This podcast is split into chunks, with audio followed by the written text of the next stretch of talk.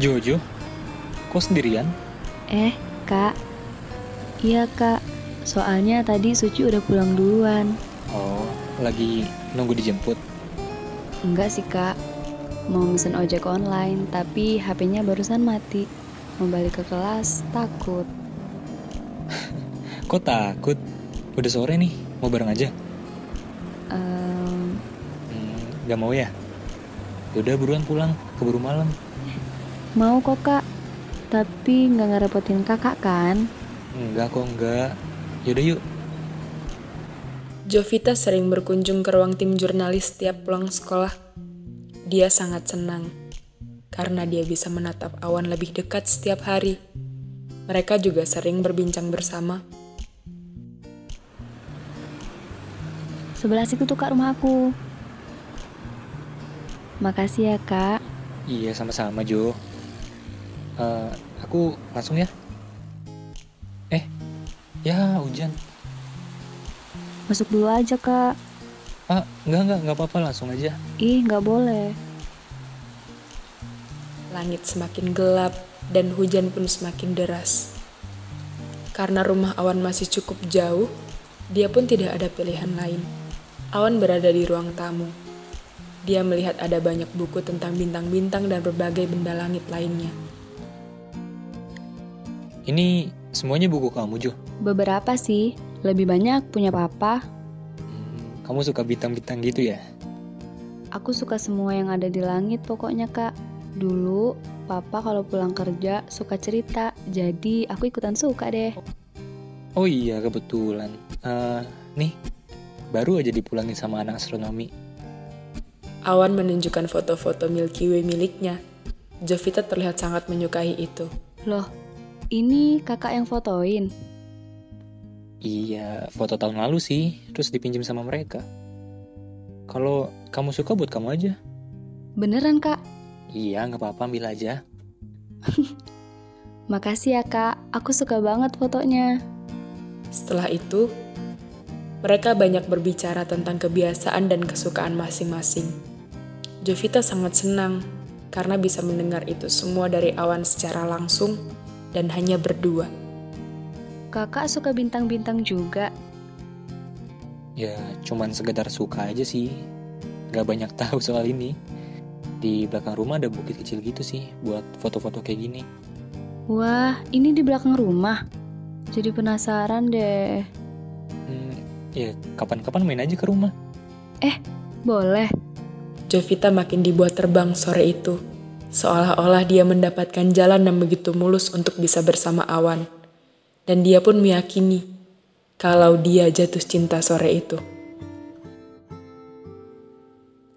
Beberapa hari setelah hari itu, di jam istirahat awan sedang bersama Deki di lorong sekolah. Jovita terlihat datang menghampiri mereka. Ke Awan. Eh, Jo? Jo bener mainnya sampai sini? Hmm, sengaja kak mau ngasih ini. Jovita memberikan sebuah coklat kepada Awan di depan Deki dan beberapa anak kelas 2 di sekitarnya. Situasi di sana seketika berubah. Dari yang sibuk masing-masing menjadi fokus pada Awan yang nampak bingung karena menjadi pusat perhatian.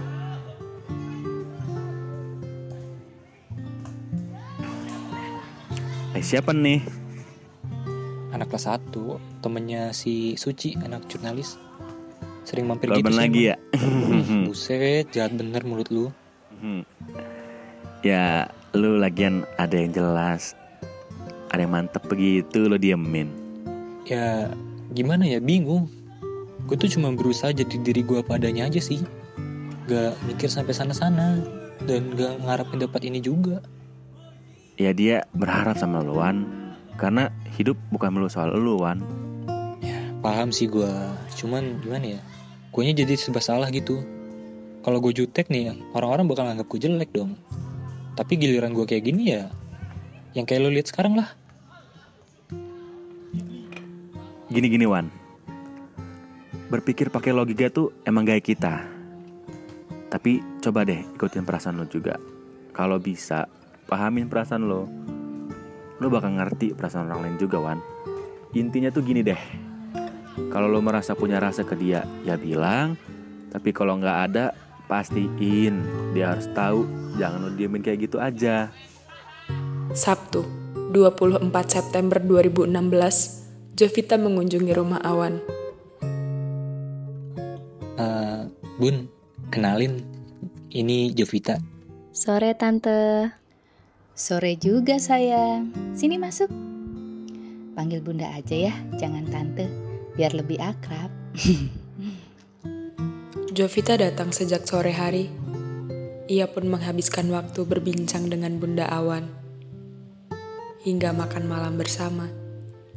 Awan itu jarang bawa teman ke rumah. Apalagi perempuan. Iya tah bun? Dia tuh sibuk terus. Sama kayak ayahnya. Yuk, sini deh. Lihat foto Awan waktu kecil. Mana bun mana? Tujuh. Lihat, dari kecil emang gak ada temennya.